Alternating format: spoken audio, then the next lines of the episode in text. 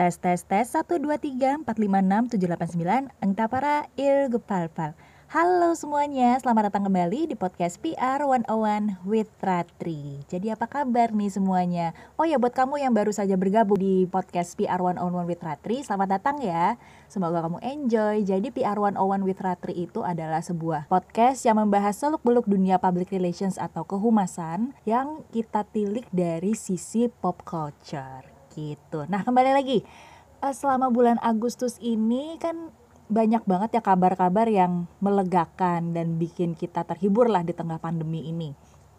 Kalau kemarin itu trailer Spider-Man Nowhere Home itu baru aja rilis dan heboh banget. Eh bukan trailer ya, tapi teasernya aja udah heboh apa apalagi trailernya nanti gitu kan. Terus belum lama ini juga diumumkan bahwa PPKM turun level dari level 4 ke level 3. Jadi seenggaknya Meskipun kita udah bisa bernafas sedikit lega, tetap aja protokol kesehatan juga mesti dijaga supaya eh, PPKM turun level terus dan akhirnya situasi kembali kondusif seperti sedia kala walaupun ada beberapa perubahan yang cukup signifikan ya tentu saja. Nah, kalau ditarik lagi sampai ke awal Agustus lalu, kita tentu masih ingat dong beberapa atlet kita yang bertanding di Olimpiade di Tokyo kemarin itu nggak cuma medali emas sih tapi ada medali perak, perunggu, pokoknya semua atlet yang sudah bertanding itu kita turut bangga. Apalagi siapa sih yang bisa lupa kemenangan Gracia Poli dan Apriani Rahayu di pertandingan bulu tangkis untuk kategori ganda putri dan memenangkan medali emas untuk Indonesia ya kan. Nah, kalau ngomongin soal olimpiade nih yang akan kita bahas, episode ini cukup spesial karena olimpiade Tokyo itu banyak banget melibatkan aspek pop culture yang sudah direncanakan jauh sebelum digelar. Karena Jepang itu kan salah satu pusat pop culture yang sudah mendunia, maka dijadiin emotional hook buat acara skala internasional kayak olimpiade Tokyo ini. Nah, ngomongin emotional hook tuh jadi salah satu esensi penting nih dalam menentukan strategi PR. Karena emotional hook itu gampangnya kan momen ketika kita menyadari sesuatu dan pada akhirnya kita ingin terlibat lebih jauh nih di dalamnya. Sebenarnya peran emotional hook itu dalam perencanaan strategi PR terutama dalam menyampaikan pesan utama nih ke publik. Eh, jadi itu prosesnya seperti ini kalau kita bikin perencanaan strategi PR, biasanya yang kita tentukan dulu adalah emotional hook. Apa yang bikin publik itu relate dan masalahnya bisa dijawab oleh brand kita atau event yang akan kita gelar. Kemudian dari emotional hook kita kembangin lagi jadi key message yang nantinya akan diterapkan di berbagai kegiatan entah itu dari segi distribusi press release atau mungkin kalau misalkan mau bikin press conference atau mau bikin gimmick bahkan. Jadi kenapa emotional hook ini juga penting karena emotional hook ini nggak cuma bertujuan untuk membuat public notice dengan suatu brand, tapi pada akhirnya si emotional hook ini juga berperan untuk membangun citra brand tersebut dengan mengetuk dan menggugah hati emosi publik, mengundang simpati dan juga membuat publiknya merasa relatable. Gitu. Sebenarnya kalau dari sisi konten, konten dalam strategi PR yang punya emotional hook itu nggak cuma mewadahi hubungan brand dengan publik. Konten itu konsisten, otentik, dan relevan sehingga publik tuh bisa membina hubungan yang lebih tulus. Nah, sekarang kita masuk nih ke intinya. Sebenarnya kalau kita menilik emotional hook di Olimpiade Tokyo, ini banyak banget yang bisa kita pelajarin karena kalau misalkan udah denger dari awal itu kan Jepang punya banyak banget ikon pop culture dari anime, manga, games dan sebagainya. Dan sebenarnya itu nggak jarang loh anime yang nge-highlight tema-tema olahraga kayak misalkan Slam Dunk, terus juga dulu waktu kita SD kita kan tentu inget ya sama Kapten Subasa ya dengan tendangan mautnya itu. Nah, kembali lagi ke Olimpiade, begitu lokasinya ditentukan nih 2020 ada di Tokyo, langsung tuh nyusun perencanaan regardless pandemi apa enggak tetap aja ada unsur pop culture yang akan dilibatkan di dalamnya. Misalnya pop culture itu bisa masuk ke dijadiin brand ambassador, icon-icon untuk cabang olahraga, dan bahkan jadi easter egg dalam komersial. Ini kita bisa bedah satu-satu nih. Kalau dari segi brand ambassador dan icon-icon untuk cabur, ini kelihatan banget ketika penutupan Olimpiade di Rio tahun 2016 lalu, di mana pada saat penyerahan bendera dari Brazil ke Jepang, mantan Perdana Menteri Shinzo Abe itu cosplay jadi Super Mario Bros. Gila, keren kan tuh? Dan pada saat itu Perdana Menteri Shinzo Abe itu didampingi oleh beberapa karakter anime. Ada Doraemon, ada Kapten Subasa, ada Hello Kitty, dan Pac-Man. Kenapa ada Kapten Subasa? Karena selain mengangkat tema olahraga, kan kalau misalkan kita ingat Kapten Subasa itu kan punya salah satu tokoh yang asalnya dari Brazil kalau nggak salah namanya Rodrigo gitu jadi momentum tersebut jadi pertanda awal bahwa Olimpiade tahun 2020 di Tokyo akan sangat spesial dan akan sangat mengundang gempita gitu karena dengan banyaknya anime-anime yang akan tap in di situ. Terus nih kalau dari sisi Easter egg, jadi sesaat sebelum Olimpiade dimulai, salah satu media partnernya itu kan BBC. Nah, BBC itu sempat merilis trailer yang mengandung banyak banget muatan pop culture. Iklannya tuh kalau nggak salah berdurasi sekitar semenit lebih, tapi padet banget. Karena gini, kalau dari aransemen musik itu digubah oleh Kenji Kawai yang dikenal membuat musik untuk anime Ghost in Shell kalau nggak salah ya. Terus kemudian lanjut lagi ada penampilan dari Hatsune Miku yaitu virtual idol di Jepang. Pokoknya anak-anak wibu pasti tahu. Terus juga ada cuplikan di mana para atlet itu ditampilkan dengan format ala video game. Misalkan kalau main Street Fighter gitu kan ada dua atlet nih yang akan diadu. Nah, formatnya kayak gitu tuh. Terus kemudian ada atlet juga yang dijadiin mainan gacha. Nah, buat yang nggak tahu, gacha itu adalah semacam mainan yang surprise, ya sifatnya surprise kayak Kinder Joy dan banyak ditemukan di jalan-jalan di Jepang gitu. Nah, kalau mainan gacha ini biasanya karakternya random nih berdasarkan animasi atau film atau series gitu. Nah, unsur ini juga dimasukin cuma e, bentuk gacanya atlet-atlet yang akan bertanding aja gitu.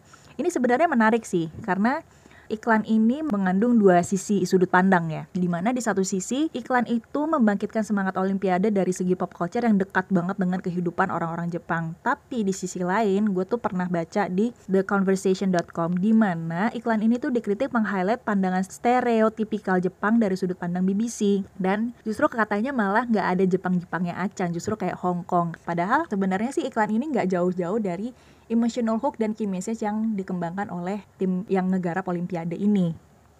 Terus nih ya, kan emotional hooknya ini gak cuma nyampe ke publik yang lebih luas, yang lebih awam kayak gue. Meskipun gue nggak nonton Olimpiade, gue tetap excited karena ada banyak unsur pop culture yang dilibatkan di situ. Makanya gue bikin podcast episode ini. Nah ternyata efeknya tuh berdampak lebih jauh dan lebih dalam gitu, termasuk di antaranya ke teman-teman media. Nah Gimana sih dampaknya? Jadi kalau dari segi pemberitaan tentu memperluas media mapping. Yang di mana kalau biasanya kan jika ada event olahraga yang ngeliput tuh udah pasti media nasional, media regional, dan paling segmented itu media olahraga. Tetapi khusus Olimpiade Tokyo kemarin, nambah lagi nih mappingnya. Ada media-media yang membahas soal pop culture. Mungkin media-medianya kecil, cuma angle yang diambil tuh akan sangat berwarna. Nah, ngomongin soal pemberitaan, warna pemberitaannya tuh jadi lebih bervariasi, angle-nya juga angle-nya dan jangkauannya juga jauh lebih luas, baik dari sisi hard news maupun soft news. Nah, kalau hard news-nya itu kan lebih kepada pertandingan secara umum terus juga belum lagi pas pembukaan ketika ada Parade of Nations itu kan sempat diputar medley dari beberapa theme song video games gitu kan. Mulai dari Sonic the Hedgehog terus Final Fantasy sampai Kingdom Hearts. Nah gara-gara itu orang-orang jadi nge-hype jadi pada nostalgia wah ternyata nih theme song video games yang pernah gue mainin gue jadi nostalgia gitu kan. Nah kemudian juga ada di selama Olimpiade itu sempat ada momentum pertandingan di mana mana theme sama beberapa anime tuh dimainkan gitu tergantung cabornya. Waktu itu sempat ada theme songnya Slam Dunk dimainin pada saat pertandingan basket putri Jepang yang tanding tapi gue lupa lawannya siapa. Tapi yang jelas ketika pemain-pemainnya itu ke lapangan theme songnya diputar jadi jauh lebih semangat. Sama juga halnya dengan cabur panahan yang mana memutarkan salah satu theme songnya Attack on Titan. Jadi terasanya itu lebih epic Epic. Kemudian ada lagi nih yang spesial yaitu ada penampakan RXO Unicorn Gundam di pertandingan panjat tebing dan estafet sepeda di Odaiba. Nah, ini nih yang menarik selain membahas pertandingannya, angle pemberitaannya tuh jadi lebih menjalar lebih luas lagi nih misalkan dalam konteks si Gundam ini. Gak cuma dari segi pertandingannya, terus kenapa lokasinya dipilih, kenapa ada Gundam di situ, tapi juga bisa jadi artikel pariwisata di Odaiba tuh ada apa aja sih gitu wisata eh, tempat-tempat yang wajib dikunjungi oleh pecinta Gundam di Odaiba gitu misalkan itu kan akan lebih seru lagi nah Terus pop culture sebagai emotional hook dari Olimpiade ini juga menggugah memperkaya soft news gitu. Misalnya nih, pada saat olimpiade berlangsung inner wibunya atlet itu keluar semua. Yang paling banyak sih ada atlet-atlet yang memanfaatkan momentum olimpiade untuk berpose ala one piece gitu. Posenya kan lumayan banyak ya. Gue gak bisa sebutin satu-satu. Dan itu juga mengundang kehebohan di timeline media sosial. Jadi lebih happy aja gitu bawaannya.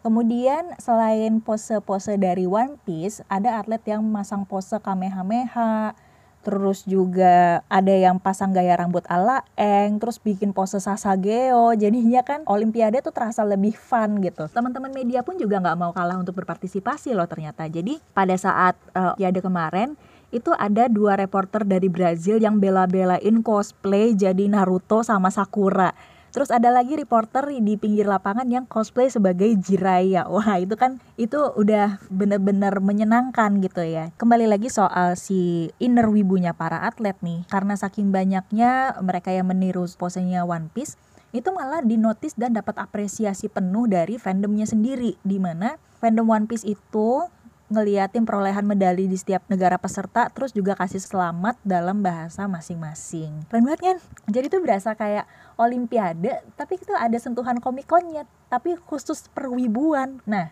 selain itu komite olimpiade tuh juga menggandeng beberapa pelakon pop culture di Jepang nih terutama para mangaka. Jadi mangakanya Slam Dunk yaitu Takehiko Inoue itu digaet untuk bikin ilustrasi yang nantinya dipajang di banner di beberapa stadion di Jepang. Terus juga Takehiko Inoue itu menjadi ilustrator resmi yang bikin artwork untuk Paralympic Games yang sedang berlangsung nih. Kemarin baru pembukaan. Dan ilustrasinya kalau gue lihat sih emang sekeren itu.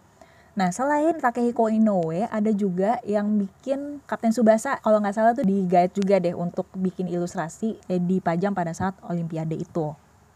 Nah, selain itu ada mantan animatornya Ghibli berkolaborasi dengan International Olympic Committee bikin film pendek nih judulnya Tomorrow Lives yang e, menggambarkan suasana persahabatan pada saat Olimpiade. Nah, berkaca dari momen-momen seru tadi, elemen pop culture mampu mendekatkan publik baik yang terlibat di dalamnya maupun orang awam.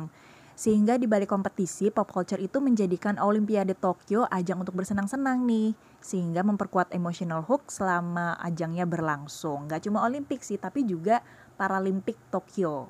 Kalau misalkan kita berkaca nih, di Jepang aja udah bisa. Indonesia kira-kira bisa nggak ya?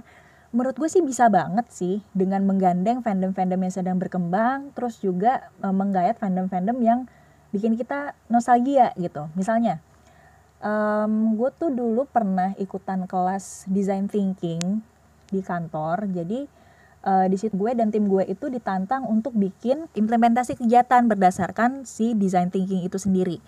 Nah waktu itu tuh gue kepikiran memanfaatkan websitenya Kementerian Pariwisata pura-puranya gitu. Kan di situ gue gabungin untuk collab sama fandom Bumi Langit Cinematic Universe gitu di mana bentuk kolaborasinya itu ada di di websitenya Kemenpar Terus di situ di Jembreng peta Indonesia dari Sabang sampai Merauke. Kemudian ada kategori pariwisatanya nih, misalkan wisata air yang nerangin nanti ada Aquanus yang nyuarain itu kan tentu saja pemerannya sendiri ya Nikola Saputra. Terus kemudian uh, ada wisata gunung api yang nyampein itu si Agni. Agni itu nanti yang jadi adalah Dian Sastrowardoyo. Nah, lalu juga wisata yang ramah perempuan misalkan Nanti yang nerangin ada Sri Asih. Selain Bumi Langit Cinematic Universe, gue bisa kasih contoh apa lagi ya? Oh iya, kan sekarang kan infrastruktur Indonesia sudah semakin berkembang ya, ya despite of masalah macet-macetan yang gak akan kelar itu. Nah, ngomongin soal macet, tau nggak sih? Gue jadi keinget apa? Yes, si Komo. Karena kan identik dengan macet lagi macet lagi, nah, si Komo lewat gitu kan. Nah, si Komo ini bisa membantu pemerintah sebagai brand ambassador dari si infrastruktur Indonesia. Misalnya sih seperti itu. Itulah si Unyil dan teman-teman bisa ngasih edukasi ke Pak Raden. Misalnya kayak gitu. Dan nah, tinggal kita ngerencanainnya seperti apa sih sebenarnya. Jadi all in all dari yang gue sampaikan di episode podcast kali ini, hiburan yang bersumber dari pop culture itu bisa jadi emotional hook yang bersifat berkelanjutan. Jadi selain menambah angle pemberitaan menjadi lebih luas, terus juga kontennya semakin kaya, efeknya nanti juga akan akan lebih awet sebagai memori. Ngomongin memori, Olimpiade itu kalau dipikir-pikir jadi salah satu momen di mana pemberitaan itu cerah dan positif untuk sementara waktu dan mudah-mudahan kenangan akan Olimpiade tuh selalu nempel di ingatan kita. Nah, kalau misalkan kenangan udah nempel nih, artinya kan emotional hooknya itu sudah sedalam itu gitu. Nah, mudah-mudahan episode kali ini bisa dimengerti dengan baik.